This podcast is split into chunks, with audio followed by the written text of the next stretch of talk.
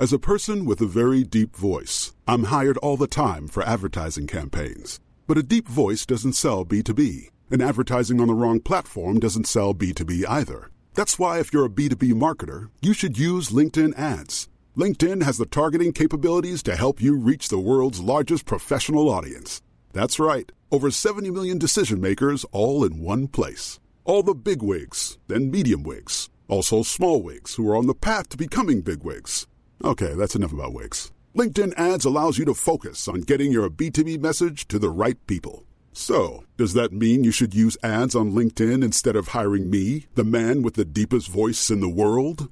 Yes. Yes, it does. Get started today and see why LinkedIn is the place to be to be. We'll even give you a $100 credit on your next campaign. Go to linkedin.com slash results to claim your credit. That's linkedin.com slash results. Terms and conditions apply.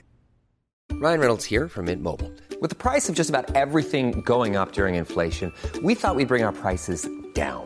So to help us, we brought in a reverse auctioneer, which is apparently a thing. Mint Mobile unlimited premium wireless. Ready to get 30, 30, bit to get 30, bit to get 20, 20, 20, bit to get 20, 20, bit to get 15, 15, 15, 15 just 15 bucks a month. So, Give it a try at mintmobile.com slash switch. $45 upfront for three months plus taxes and fees. Promo rate for new customers for limited time. Unlimited more than 40 gigabytes per month. Slows. Full terms at mintmobile.com.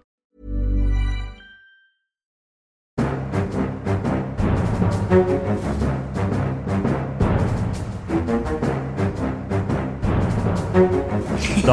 setter vi i gang med en ny episode Aftenpodden USA. Kristina Pletten, du er ikke i Oslo, men i USA. Så jeg får si velkommen tilbake. Men eh, du er ikke her jeg er. Vi er sitter på et hotellrom i en stat, du sitter på et hotellrom i en annen stat, og du er i Georgia, er du ikke det? Jo, altså som vanlig så er jeg i Georgia, jeg er i Atlanta. Jeg føler at jeg har stort sett vært i Atlanta de siste gangene jeg har reist til USA. Ja. Eh, Jeg er her for å lage en sak eh, for A-magasinet, og eh, har vært her ja, tre dager. Så jeg er fortsatt litt jetlagget, og nå har du holdt meg oppe ganske seint. Nå er klokken snart midnatt.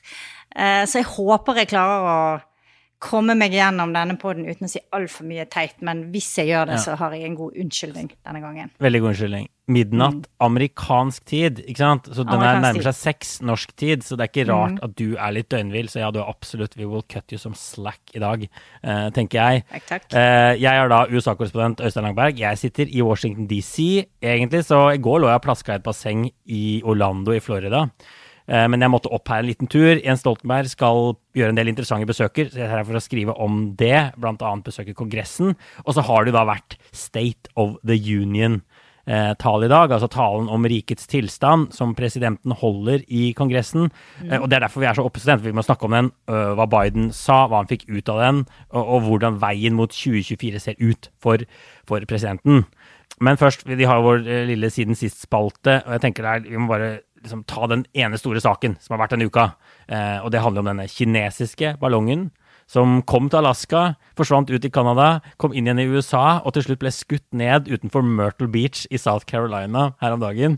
Eh, den er jo liksom alvorlig, men også morsom og rar, denne saken. Eh, den har liksom vært vist USA på sitt noen vil si verste, andre vil si beste. Altså, så mange politikere som har brukt det til sånne stunts hvor de stiller seg opp med en eller annen gunner på et eller annet jorde og sier de skal shoot down the balloon, ikke sant. Biden må handle nå. Det er liksom én side av det, til at Anthony Blinken, utenriksministeren i USA, dropper å dra til Kina på et kjempeviktig møte fordi dette er en alvorlig sak. De mener kineserne spionerer på, på USA, da. Men kineserne sier at dette bare er en værballong. Men det virker ikke som alle, alle kjøper. Du har vel fulgt denne saken du òg, tenker jeg? Ja, lite grann. Jeg var faktisk i Savannah, helt oppe på kysten, og veldig nærme der så de skjøt ned ballongen, da. Så jeg følte at jeg var liksom veldig sånn nær der historien skjer, for, for en gangs skyld. Men dette må jo være eh, den ballongen i historien som har kanskje hatt størst geopolitisk eh, betydning. Så sånn sett så er det jo en, eh, en litt morsom sak. Men Ja. eh, jeg vet ikke egentlig hvor alvorlig det er. Har, jeg, jeg, det er litt vanskelig for meg å få tak i det. Noen steder så står det at den ballongen er mer en sånn demonstrasjon fra kinesernes side. Se hva vi kan gjøre. Vi kan liksom Mm. fly innover eh, militærinstallasjonene deres og sånn, og plage dere. Eh, men at den egentlig ikke kan samle inn så mye informasjon som har noe verdi. Så jeg vet ikke. Det virker som et eller annet slags storpolitisk spill. Ja, for de har disse satellittene sine som gjør at de også kan ta masse bilder av USA, men de mener at kanskje ballongen kan ta litt mer finoppløselige bilder, den går litt saktere og sånn. Mm. Men, men, Biden fikk kanskje en slags oppreisning, da. Den ble jo tross alt skutt ned til slutt. Det havna jo vrakrester ute i hele havet der. Det var jo grunner til at man venta og ikke gjorde det over land. Det kan, mm. hadde blitt bråk hvis Biden hadde skutt ned og noen hadde fått denne, et, noen biter av denne ballongen i huet, og så viste det at det var ikke så veldig farlig heller. Så, så, så, her er det liksom ja, kommet frem litt mer nyanser etter hvert, da enn en bare å skyte ned med gunneren din i hagen. Mm. Uh, ja, har du noe på siden sist, Kristina? Du, jeg har et lite punkt så, som, som vanlig, hadde det nær sagt. Det følger jeg med litt når, når det kommer sånne månedlige jobbtall. Og eh, tallene for januar ser utrolig bra ut for Biden. Det ble skapt nesten en halv million nye jobber. Eller over en halv million, faktisk. Ja. Det var en ganske stor overraskelse. Da det var ingen som forventet at det skulle komme så mye. Det har liksom lagt sånn og vaket mellom 100 og 200 000 eh, i litt sånn halvgode måneder. Så det tyder på, kanskje, at amerikansk økonomi er på, på vei opp igjen, eh, samtidig mm. som de har, virker det som i hvert fall, et slags grep om inflasjon nå. Det kan nok hende at uh, innen sommeren, eller i hvert fall høsten, så ser ting ganske mye lysere ut økonomisk sett for Biden og for USA. Ja. Så det er jo positivt, da. Og det er, det er jo positivt for Biden og mm. positivt for, for, USA. For landet som uh, Og det bringer oss jo bringer oss egentlig over til, til hovedtemaet, da, altså State mm. of the Union. Vi har nå sett talen til Biden, vi har vel sett republikanernes svar og litt på reaksjonen og sånn. Uh, hvis vi skal liksom ta overskriften her, da så var det jo liksom en optimistisk tale eh, med en god del energi og en god del bråk i salen. Ja. Um, hvis vi bare starter med liksom energinivået, da. Biden er en gammel mann, han er 80 år. Mange eksperter sa på forhånd han må overbevise velgerne om at han har kapasitet, energien, til å gå på da i to nye år til, og så da ta et gjenvalg, og så enda fire år til. Um, og jeg så eh, eh, no, en del reaksjoner. Det har jo ligget i kortene at Biden kommer til å stille igjen. Nesten alle tror det nå. At det er, det er sånn det blir. At han blir demokratenes kandidat i 2024. Og jeg så noen etter talen slå fast at han, han, er, han driver valgkamp nå. Dette var en valgkamptale. Eh, Men hva tenker du om energinivået hans, hvis du bare tar det først?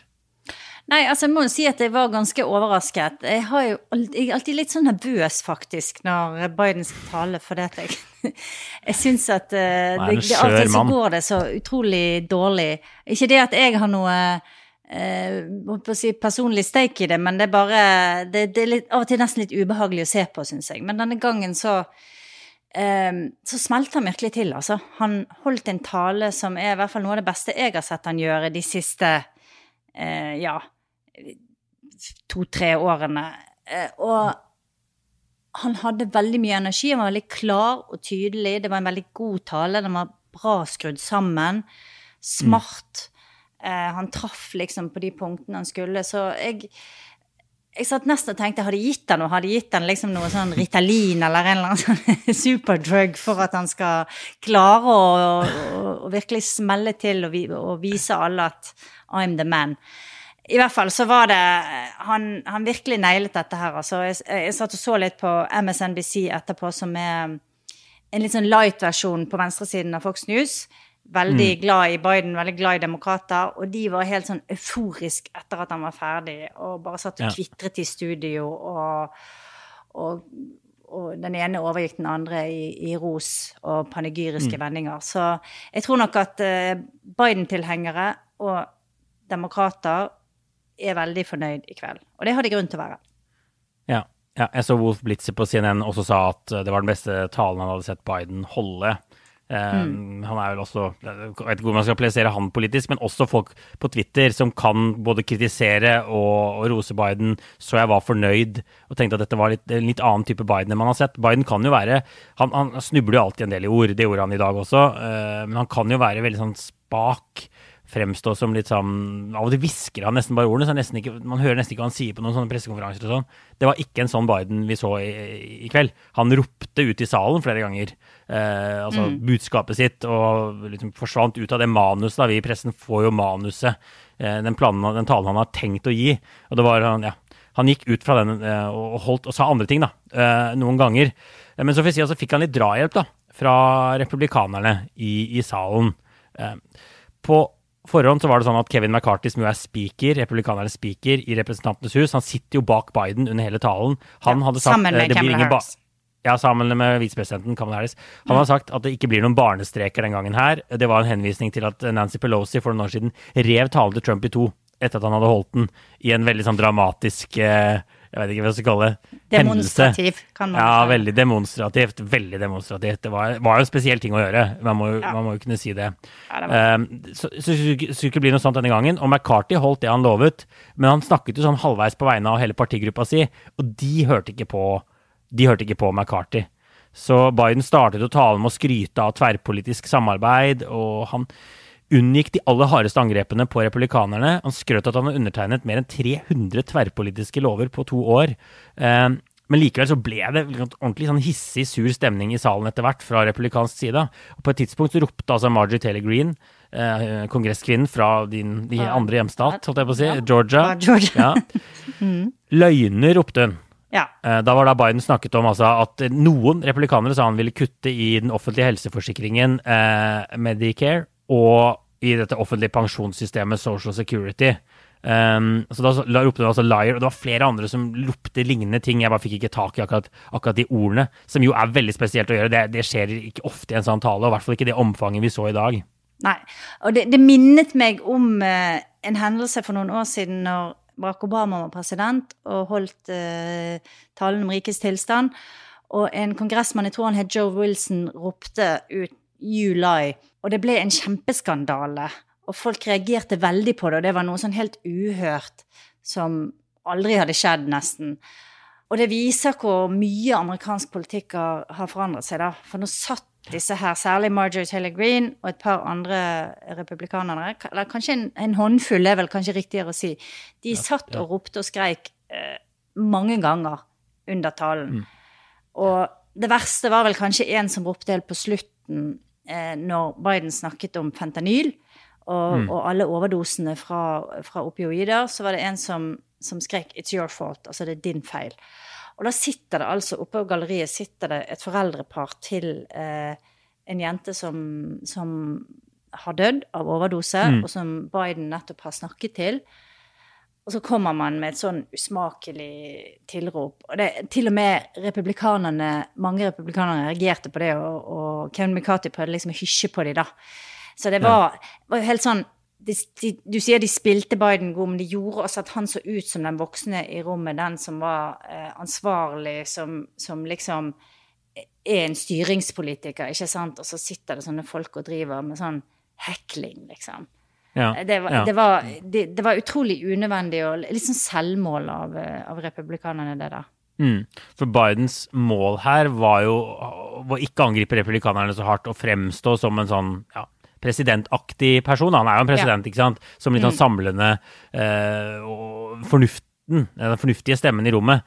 Eh, og da er det jo egentlig en drøm at republikanerne reagerer på den måten. Og Biden svarte dem jo, og fikk en litt sånn morsom utveksling på et tidspunkt. Blant annet når det kom til disse kuttene, hvor han sa vel at liksom kom på kontoret mitt, da er vi plutselig enige, da. Da vil dere ikke kutte disse ordningene likevel. For det er jo helt klart noen, noen republikanere har sagt at de vil ønsker seg kutt i disse ordningene, og det har jo vært en drøm for demokratene eh, at de har kommet med den type utspill. Eh, men det er jo ikke alle republikanere som vil det, men det sa heller ikke Biden, at alle republikanere sto for disse, disse holdningene. Så han eh, tok den liksom litt på, på strak arm. I, liksom Han, han lurte det jo nesten inn i en felle. Fordi at han, han først så sa han at, eh, at det er noen republikanere som har foreslått at man skal eh, fase ut Social Security um, og Medicare. Så begynner de å skrike og hyle og bue, og da var det mange som reagerte og ristet på hodet og helt sånn. Uh, og så snudde han det rundt, og så sa han Nei vel, så dere vil ikke det, nei? Nei, men det var jo fint at vi alle er enige i at vi skal beskytte Medicare. Ja, men da kan vi bare legge det vekk og, og regne det som opp og avgjort, liksom. Og da Så da tok han jo de veldig og liksom nailet de litt til veggen, da. Eh, det var, det var, for meg var det liksom Det var egentlig høydepunktet i, i talen. Jeg syns det var ganske stilig gjort og veldig sånn Jeg tror kanskje det var planlagt. Men Ja. hvis det var det, så var det i så fall ganske smart. Og han kunne jo ikke vite at han fikk en sånn sterk eh, Reaksjon. reaksjon da. Så jeg er litt usikker. Jeg vet ikke, Du har jo sett gjennom manus, jeg vet ikke om det, om det står Nei, det som altså, det står jo ikke der, for jeg, jeg vet ikke helt om de visste på forhånd at det ville bli Nei. så mye bråk. Nei, jeg var, altså, En del ganger så gikk han vekk fra manuset og sa Ja. ting, og, og den runden der Men da sier han jo ofte rare ting. Salen, ja, ja, da sier han ofte veldig rare ting, og litt sånn uforståelige, uforståelige ting. Ja. Definitivt. Men altså, Så det var liksom energinivået, republikanernes reaksjon, kanskje et selvmål, Mm. uh, mener du. Men hvis vi snakker litt mer om liksom innholdet i, i selve talen, da, så Ja. tenker jeg jo at det er litt sånn America first, uh, Trump light, altså light-versjonen av, av Trump. Altså, han snakker fortsatt mye, Joe Biden, om at ting skal lages i Amerika av amerikanere selv. Og han sier liksom selv om jeg har fått kritikk for å si det, så står jeg for dette, og nå skal det gjøres, og andre administrasjoner har bare snakket. Ikke sant, som Trump, da. Men jeg gjør det faktisk, ikke sant. Og vi har snakket om disse tingene før. sånn Elbilsubsidier, krav til at ting skal være laget i USA, eh, og den type ting. Og det, og det er faktisk et faktum. Og Europa er ganske sinte. EU er ganske sinte på Biden. Og en del av de grønne investeringene de gjør, fordi de mener at de holdes utenfor det amerikanske markedet, at det vrir konkurransen, og at det er proteksjonisme, rett og slett, for Ja. å beskytte USA. Men det er veldig populært her hjemme, eh, her borte, borte på berget her. Det, ro- da roper man jo USA, og det er full pakke med sånn Made in America er veldig populært. Ja, altså det, Dette handler jo om Inflation Reduction Act, altså den klimapakken som ble vedtatt i fjor sommer, der det står ganske eksplisitt at eh, dersom du skal få skattelette, så må eh, f.eks. batterier til elbiler være laget i USA. Mm. Eh, og det har vært veldig mye kritikk mot. Og to ganger, i to forskjellige anledninger, så sa Biden akkurat det du sier, at han jeg kommer ikke til å, å endre mening. Jeg står på dette. Folk er sint Mm. på meg, folk kritiserer meg. Men this is eh, Ja. This is my policy, Kunne liksom. nesten sagt 'From now on, it's America first'. Men han From now on, it's America ligger- first. Ikke sant? Han sa the supply chain begins in America. Og det betyr Ja. jo egentlig at um, når du skal lage et bilbatteri, så skal du ha en gruve som graver opp litium Ja. i Amerika, og du skal ha deler fra batteriet laget i Amerika. Han, han kom også med noen ny politikk, der han sa at i denne infrastrukturpakken så skal, når, når den føderale staten bygger ting, så Mm. skal bygningsmaterialene være fra Amerika. Så for eksempel stål, da. Som Mm. Ja. være laget Og trær nevnte han råvarene. Ja, ja, Ja. råvarene. Ja. Ja. Så det er, det er ganske egentlig eh, ekstremt. Og det er jo Trump-politikk. Rett og slett. Mm. Det er proteksjonisme. Eh, men det er tydelig, og det tenker jeg, det var det øyeblikket jeg tenkte mest at dette er valgkamp. Dette er en, et budskap som Biden nå bruker. At han bruker europeernes raseri Ja. til sin egen politiske vinning, da. Jeg er helt enig. Jeg tror det, det, er, det er viktig å ta med seg videre, og dette er noe Biden kommer til å ha med seg inn i 2024. Denne, Ja, ja, America first, bare at han sier ikke rett ut. Men det er egentlig Nei. det som kommer til å være budskapet. Og jeg, det, jeg gjør det Trump sa han skulle gjøre, men ikke gjorde. Eh, Mm. Så det blir interessant å, se akkurat hvordan de der skal overgå hverandre litt. Og der er jo Trump litt i utakt med eget parti. Der er det ja, mye, mye interessant å ta tak i. Ellers er jo disse talene bare en smørbrødliste over alt Joe Biden har gjennomført. ikke sant? Så han nevner jo, ikke sant, vi har nevnt eh, Inflation Reduction Act, investeringer i grønn energi, batter, databrikker, databrikkeproduksjon. De nevner liksom enkeltselskaper, prosjekter rundt omkring i USA. Infrastrukturpakka, da nevner de liksom broer her og der som de skal ruste opp. Så det er jo veldig mye sånn detaljer. Det er jo en lang tale, ikke sant? Over en time lang. Um, de nevner pristaket på insulin på 350 kroner for pensjonister. Det vil Biden nå at, at hele landet skal få, altså ikke bare pensjonister, men alle. Så det er masse, masse sånne ting, da. Ja, og akkurat det med insulin, eh, der eh, sa han jo faktisk at eh, det, det er mange som ikke vet om dette ennå, for dette her har nettopp trådt, i kraft, og people are just finding out, sa han, Ja. eh, at, at disse tingene skjer. Så han forsøkte vel egentlig å si at, eh, til folk at liksom vær obs, da. Eh, de, de tingene som ble vedtatt, det tar litt tid før de trer i kraft, og før dere ser disse endringene, men nå kommer de. Ja. Og det med insulin brukte han også til å vende mot republikanerne, for han sa det at hvis vi setter en, et tak på insulin og andre typer legemidler, så kan vi også redusere eh, statsgjelden. For det, Ja. den amerikanske staten bruker sykt mye penger på å kjøpe opp medikamenter gjennom Medicare. Og da kan vi redusere statsgjelden, som jo dere er opptatt av. Eh, så da kastet han liksom den ballen til republikanerne og sa se her, her er noe dere kan gjøre med det dere tyter om hele tiden, som er å redusere statsgjelden. Og så sa han sånn let's get the job done. Det sa han mange ganger. Det var et slags sånn mantrasyk igjen i talen. Um, og helt sikkert også et, et, et sånn valgkampbudskap eh, som han tester. Ja. Ja, så det er, sant, det er, denne proteksjonismen, Amerika først, og så er det også liksom arbeidsplasser, arbeidsmarked, jobber, jobber, jobber. Det er jo kjempeviktig, en viktig del av talen, også hvor Biden har relativt gode kort på hånda. Han vil ikke snakke så mye om inflasjon, han sier den er på vei ned. Han nevner den jo, ikke sant. Han må si mange sliter, lønningene holder ikke tritt med prisveksten, bla, bla, bla. bla, bla. Men arbeidsplasser, der, der, det, det, vil han snakke mye om, ikke sant. Eh, og det er jo faktisk sånn at, at arbeidsledigheten nå er på sånn 3,4% som er den laveste nivået på 54 år, altså siden 19, 1969, altså 1960-tallet i hvert fall. Eh, som er bare veldig veldig lavt. Det var de gode jobbtallene du nevnte i starten, da, som, vi, som, viste det. Så det kan han skryte av.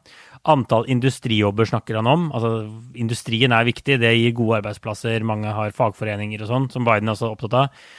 Antall industrijobber er det høyeste siden november 2008. Så der har det vært en voldsom fallende trend siden 90-tallet. Da var det mange, mange flere. Men det ser ut som den mm. trenden er sånn reversert og på vei opp igjen. Og Biden har nå flere industriarbeidsplasser enn Trump noen gang hadde i sitt presidentskap. Så det er også noe Dette kommer vi til å høre masse om frem mot uh, neste presidentvalg, er jeg helt, helt sikker på. Uh, ja. Jobs. Eh, bare for skytende, jeg var eh, på et sted utenfor eh, Savannah der de bygger en kjempediger bil- og batterifabrikk for Hyundai og Kia. Mm. Mm. Helt gigantisk de hadde kuttet ned liksom flere eh, kvadratkilometer med skog og var i ferd med å bygge opp. Og det skjer mange steder. Så det her er Det skjer liksom i turbofart nå, da. Eh, mm. Denne utviklingen i USA. Så det er noe som eh, Trump har Nei, Trump.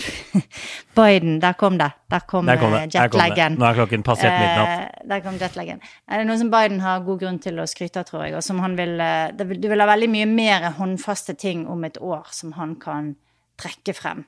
Ja, for der er vi inne på noe viktig. Vi har allerede nevnt en del av de tingene de faktisk har gjennomført. ikke sant? Um, mm. Vi nevnte ikke, ikke sant? men de har også liksom vedtatt en lov som skal beskytte retten til likekjønn og ekteskap. De har strammet inn våpenlovene. Det er egentlig en ganske lang liste med ting Biden har gjort. Men så er det også en del ting som bør bekymre Biden litt da, frem mot 2024. Jeg skriver uh, om det i en analyse etter State of the Union, blant annet.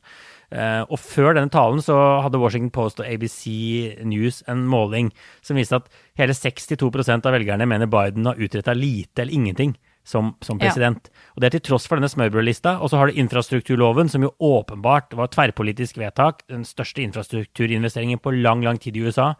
Men selv der er det relativt få som virker som har fått det med seg. Det er i hvert fall veldig få som syns det liksom har ført til noe, at Biden har gjort noe på infrastrukturfronten. Han får veldig dårlig uttelling, ser det ut som. Uh, her, Det er sikkert en forklaring på hvorfor Biden kjører denne smørbrødlisteteknikken på State of the Union. Da. Men det er nok en ting som bør bekymre dem litt, at, uh, at han fremstår som så lite handlekraftig. Uh, ja, men infrastruktur tar jo tid, da.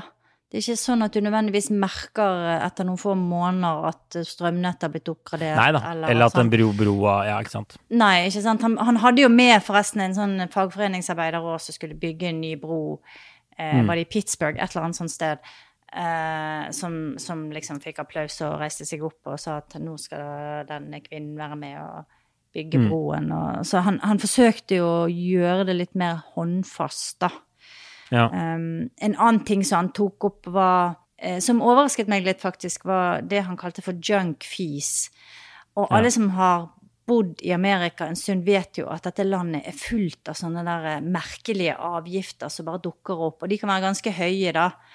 Og som stjeler veldig mye penger ut av lommebøkene til vanlige amerikanere.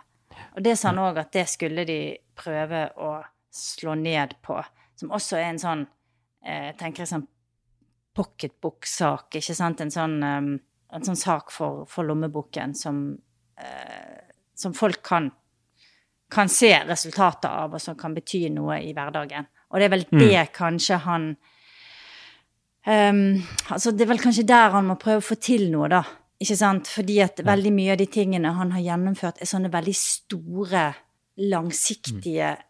strukturelle ting som handler om klima og, og, og infrastruktur, og som er superviktig, og som han eh, Som jeg tenker i retrospekt kanskje kan få han til å virkelig se ut som en transformativ president. om, om 25 år. Men han trenger også å gjøre noe så folk kan se nå. Ja. Han må få flere altså det, må, altså det er et problem at 62% av velgerne mener at han ikke har gjort noe som president. Veldig lite eller ingenting. Det, særlig når de har egentlig ganske mye å vise til. Så kan man være uenig eller enig, i det de har gjort. Men han har jo faktisk gjort en del, det har vi snakket om eh, tidligere òg. Et annet problem for Biden er sant, fortsatt populariteten hans, denne approval-raten som vi også snakker om, på 43% det er ganske lavt. Det er litt høyere enn Trump hadde på samme tid. Eh, Det er høyere enn det dårligste Biden har hatt i sommer, i fjor sommer, på 38% men det er lavt sammenlignet med hva Barack Obama hadde på samme tid. Eh, Sammenlignet med hva George Bush hadde på samme tid. De ble gjenvalgt, Trump ble det ikke. Så det er en ting som også kanskje bør bekymre Biden litt, at den virker som den stagnerer litt på ganske lave nivåer. Og så er det disse målingene hvor man spør velgere hvem vil du ha i 2024, hvis det er Trump eller Biden, hvor det altså er dødt løp på mange målinger. Biden leder på noen, Trump leder på noen. Eh, Real Clear Politics lager et gjennomsnitt. Der leder Trump nå. 45% sier de vil ha Trump, 43% sier de vil ha Biden. Eh, Og så har de også en sånn hypotetisk duell mot John DeSantis, hvor DeSantis også leder knapt mot Biden. Så det er jo ikke noen drømmesituasjon. Dette er ikke en slam dunk, denne valgseieren her, i, i det hele tatt, eh, for Biden. Så dette er litt ting som de sikkert absolutt må jobbe med da, frem mot, eh, frem mot 2024, hvis Biden stiller, og sånn ser det ut. Ja, jeg tror det. Altså, de må jobbe både med det, eh, og få budskapet ut om hva han har gjort, og få på plass en del sånne håndfaste ting. Noe av det er jo kanskje litt sånn signalpolitikk, men jeg tror at det, det er viktig. Han snakket også, han sa også at lærere bør få lønnsøkning. Eh, og så snakker de om å utvide skolen. Altså gjøre, gjøre flere skoleår eh, obligatoriske. Og da tror jeg de snakker om å, å starte barna tidligere, altså det som de kaller for preschool, som vel er at ungene skal begynne på skolen når de er fire. Og som vil hjelpe ganske mange foreldre, da. Og så til slutt så snakket han jo også om å fjerne eh, sånne assault Jeg husker ikke hva det heter på norsk i min Ja, hjernetåke. angrepsvåpen kaller Ja, vi det sånne, vel. Ja. sånne semiautomatiske våpen. Ja. Det var vel en av de gangene han skreik aller høyest, når han bare sa sånn 'ban assault weapons', ropte han Mm. ut over salen. Så han må finne de riktige budskapene, vise hva han har gjort, og så tror jeg at han må gjøre sånn som han gjorde i dag. Han må virke på og forberedt og en, energisk, og ikke som en sånn skranglete gammel mann, da, som han av og til virker som. Eh, og det kan hende at det handler litt om å forberede seg og være Og at han må jobbe mer enn kanskje han har vært vant til tidligere. Sant? Han har vært politiker hele livet. Han er sikkert litt arrogant på forberedelser, kanskje. Mm. så han tenker dette tar jeg, jeg, jeg kan si hva jeg vil, jeg, eh, eh, jeg tar det på sparket, jeg tuller litt, jeg, eh, eh, jeg bruker skjermen min, ikke sant? Han må skjerpe det noen knepp der. eh, for at han skal dra det til land, tror jeg. Altså hans, hans egen performance som eh, president og politiker. Så vi, vi snakker litt om de, de tingene som, gikk, gikk, som bør bekymre Biden. Og så er det jo liksom noen ting som går riktig vei. Altså, vi har Mellomvalget var jo ganske bra for demokratene. Eh, De overpresterte også målingene noen steder, så det er jo ting de kan ta med seg. Så pleier jo Biden også å si at du må ikke sammenligne meg med Gud den allmektige, men med alternativet. Um, og det gjør noen av de målingene med Trump, da, men det kan jo hende ting vil se litt annerledes ut på målingene hvis Trump faktisk blir kandidaten, uh, og han faktisk kan komme tilbake, og det faktisk står mellom Biden og Trump. At, at noen uavhengige velgere, og de som nå er usikre, da vil uh, gå mot Biden, da, og litt, litt mer stabilitet og litt mindre av det kaoset som, som var under i, i Trump-årene. Eller kanskje, Det kommer jo også veldig an på selvfølgelig situasjonen i landet. ikke sant? Hvis det er inflasjonen ikke har kommet ordentlig ned, uh, men fortsatt er høy, og, og lønningene til folk fortsatt stiger saktere enn prisene, det er klart det er en drømmesituasjon for Trump å komme tilbake i. Ja, men så samtidig så har du jo da det som skjedde i dag, altså disse her eh, veldig trumpete, eller mer trumpete enn Trump, eh, kongressmedlemmene som oppfører seg sånn som du gjorde, de gjorde. Du har en Ja. svak speaker eh, som måtte ha 15 avstemninger for å bli valgt. Um, det hadde ikke du under Trump. Da var de her veldig sånn langt ute i koko-land. Nå virker det som de nesten er, er liksom førende eh, politikere. Vi, vi snakker, har ikke snakket om det, men det var også en veldig sånn rar eh, situasjon i begynnelsen, før de begynte, der Mitt Romney kom inn i salen og gikk forbi han her George Santos, som er han kongressmannen som har Ja. eh, løyet om alt mulig, og de har funnet ut at Jeg vet ikke om han heter George Santos engang. Alt Nei, nei. omtrent på CV-en hans er feil. Ja. Der de så ut som de sto litt sånn og kranglet mens de passerte hverandre, da. Så det er, eh, der er der er store usikkerhetsmomenter og svakheter internt i det republikanske partiet. Ukraina er en, en veldig vanskelig sak for dem. Jeg nevnte vel at eh, Kevin McCarthy ikke klappet når de snakket om Ukraina. Det var veldig mange republikanere som ikke gjorde det. Um, altså støtte, at vi må støtte Ukraina og stå bak de i krigen mot Russland. Og alt det der vil svekke Trump hvis han blir kandidat. Hvis folk føler at nå er dette et ekstremistenes parti. Eh, når han var president, og når han vant i 2016, så hadde han på laget en god del mer moderate skikkelser som, som hjalp han i Ja. den dragkampen. Og kongressen, republikanerne i kongressen så ikke så ekstreme ut heller. Og det Nei, er litt det viktig å huske på, og det tror jeg vil trekke han ganske langt ned, altså. Pluss viktig å huske 6. på, det er- januar. Ja, ja. Det er, men det er viktig å huske på, og, og det er noen tall jeg har nevnt her tidligere òg, men Trump i velgernes øyne tilbake i 2016 det er så lett å glemme nå. Han ble sett på som en av de mer moderate republikanske presidentkandidatene i liksom moderne tid. Når velgerne spør hvor ideologisk ekstrem er Trump, så ble han sett på som mer moderat enn Hillary Clinton på en del målinger, faktisk. Så, så Trump ble sett på som en litt sånn sentrumsorientert, rik businessmann da han vant i 2016. eh, Og det er klart, det er han vel ikke i så mange folks øyne lenger nå, da. Så jeg, altså, det kan godt hende republikanerne er Joe Bidens sterkeste kort frem mot 2024. Og de hadde jo også Sarah Huckabee Sanders, som nå er eh, guvernør i Arkansas, som tidligere var pressetalsmann for Trump, da. Som hun ga liksom det formelle svaret til republikanerne på Bidens tale. Eh, og litt overraskende, liksom nevner, bruker lite tid på inflasjon. Eh, snakker masse ikke sant, om woke mob, kulturkrig, transpersoner og sånn. Og det Ja. virker ganske off. Det er jo ikke et svar på det Biden snakker om i det hele tatt. Det er på en måte et segment fra Fox News, bare. Så hvem hun snakker til, kan man også lure litt på. Ja, det, var, eh, den, det syns jeg var et utrolig dårlig svar. Nå skal det sies at det veldig ofte er, er ganske dårlig, Ja. da. Fra begge kanter. Det er For det må jo være skrevet på forhånd i stor grad og sånn. Man ja, vet jo ikke helt det, det, det er sjelden jeg har sett noen eh, politikere gi noe særlig godt svar. Men de gir ofte den eh, rollen til noen litt sånn up and coming eh, politikere, eller talenter som de har lyst til å vise frem, da. Eh, og det Jeg tror Nikki Haley har gjort det en gang, og gjorde det ganske bra, hvis jeg husker rett. Eh, men, men ofte så har det vært litt sånn både òg. Og hun og hennes tale var, var veldig rar, rett og slett. Den, var, den handlet veldig Først begynte hun med en lang eh, historie om, om sin egen kreftsykdom og morens kreftsykdom. Og så avsluttet hun med en lang historie om hun og Trump de var i Irak og feiret jul. Og det var og, og, og jeg har sagt det, og vi, vi har snakket om dette før på poden, at det, det er merkelig at ikke republikanerne er, er liksom skarpere på det politiske budskapet, da.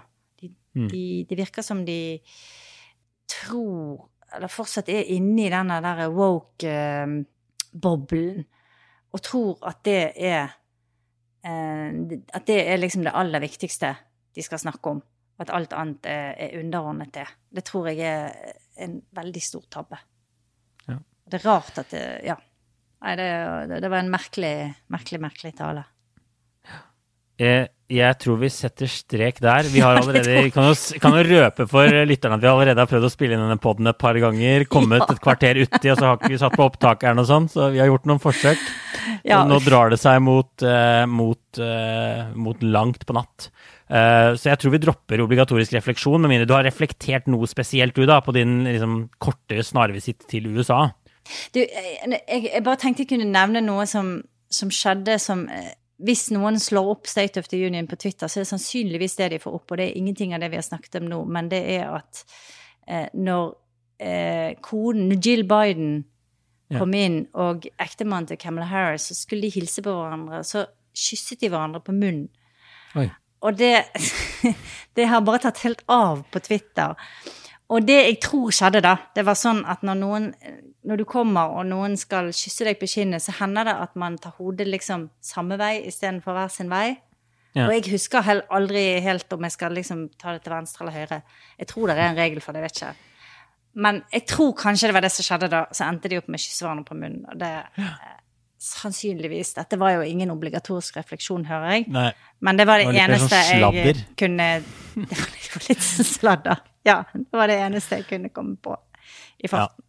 Ja. Vi får komme sterke tilbake med mer Ja, refleksjon ja, i neste uke. Så tror jeg vi setter strek der nå. Um, og så sier vi takk for nå, og så høres vi igjen om en uke. Ha det bra.